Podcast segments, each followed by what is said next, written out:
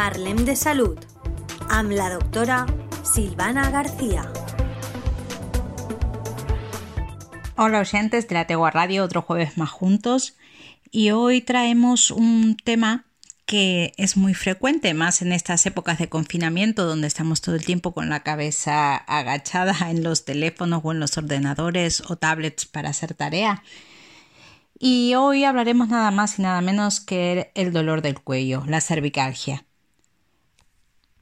El dolor de cuello es frecuente en todas las edades de la vida.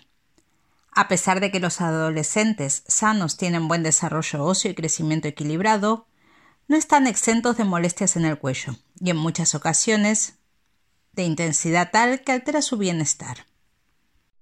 Son muchas las causas que pueden dar lugar al dolor del cuello, a dolor cervical, pero la mayoría tienen que ver con el estilo de vida, las posturas corporales y la actividad deportiva.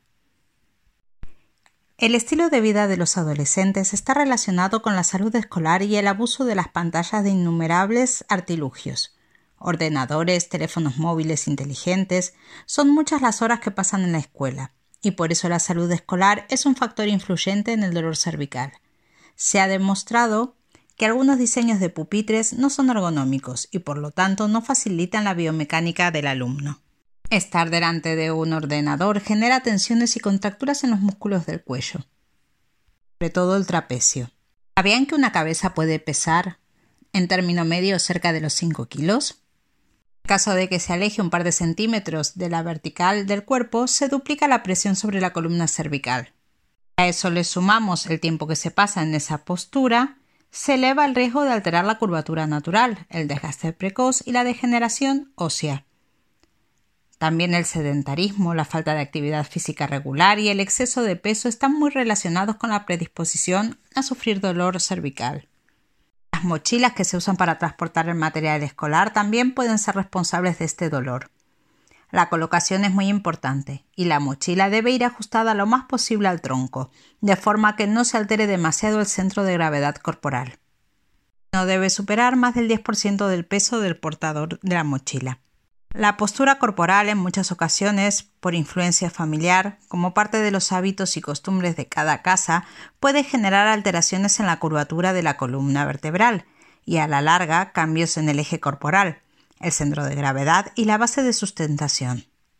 Factor es la actividad deportiva, muchas veces sin control, sin calentamiento, sin estiramientos al final del ejercicio y sin una mínima supervisión técnica, es también causa del dolor cervical.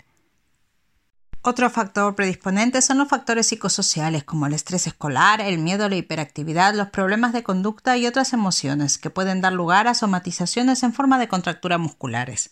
¿Y qué podemos hacer para controlar esto? Las primeras medidas están en el hogar. Los hijos imitan lo que ven. Los hábitos, las costumbres y los valores de la familia desde la primera infancia forman parte de la prevención primaria, la mejor promoción de la salud y de una exquisita educación algunos consejos prácticos pueden ayudarnos. Al sentarse, la espalda debe estar recta y bien apoyada. No se debe inclinar el cuerpo hacia un lado al leer o escribir, ya que se fuerza la zona cervical y dorsal. Deben evitarse los asientos demasiado bajos o hundidos. Hay que evitar sentarse sobre una pierna. La pantalla del ordenador ha de estar a la altura de los ojos y centrada con el cuerpo. El antebrazo debe estar apoyado cuando se utiliza el ratón porque de otro modo la tensión muscular puede repercutir en todo el brazo y alcanzar las cervicales.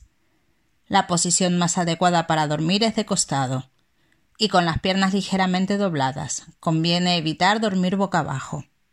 En cuanto al deporte, nunca debería ser competitivo antes de los 12 años. Hay que elegir un deporte en función de las preferencias y en relación con las cualidades y constitución.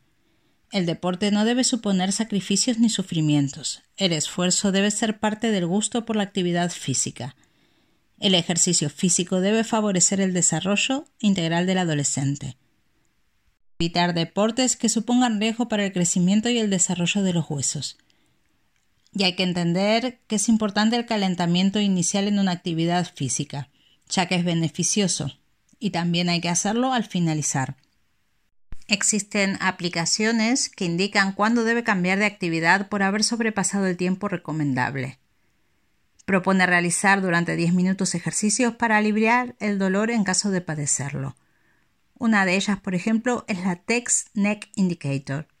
¿Qué secuelas podemos encontrar? Los músculos del cuello tratan de compensar la curvatura cervical y de mantener la cabeza en una posición normal creando una fuerte tensión. Así pueden aparecer dolores de cabeza, debilidad muscular en cuello, hombros y espalda, dolor y rigidez en la base del cuello, en los hombros y en la parte alta de la espalda, alteración en el alineamiento de las vértebras inflamación de los nervios que salen de la médula espinal. Y hay algo que hay que recordar, que puede haber un daño aún multiplicado, ya que si la cabeza de un adulto pesa aproximadamente 5 kilogramos, al inclinar el cuello en un ángulo de hasta 60 grados, la columna vertebral estaría siendo sometida a cargas que pueden alcanzar los 27 kilogramos más o menos el peso de un niño. Así que nada, espero que estas curiosidades les haya gustado, em, que el confinamiento les sea un poco más leve. Eh, los invito a compartir y gracias por estar. Los saluda Silvana. Parlem de salud. Am la doctora Silvana García.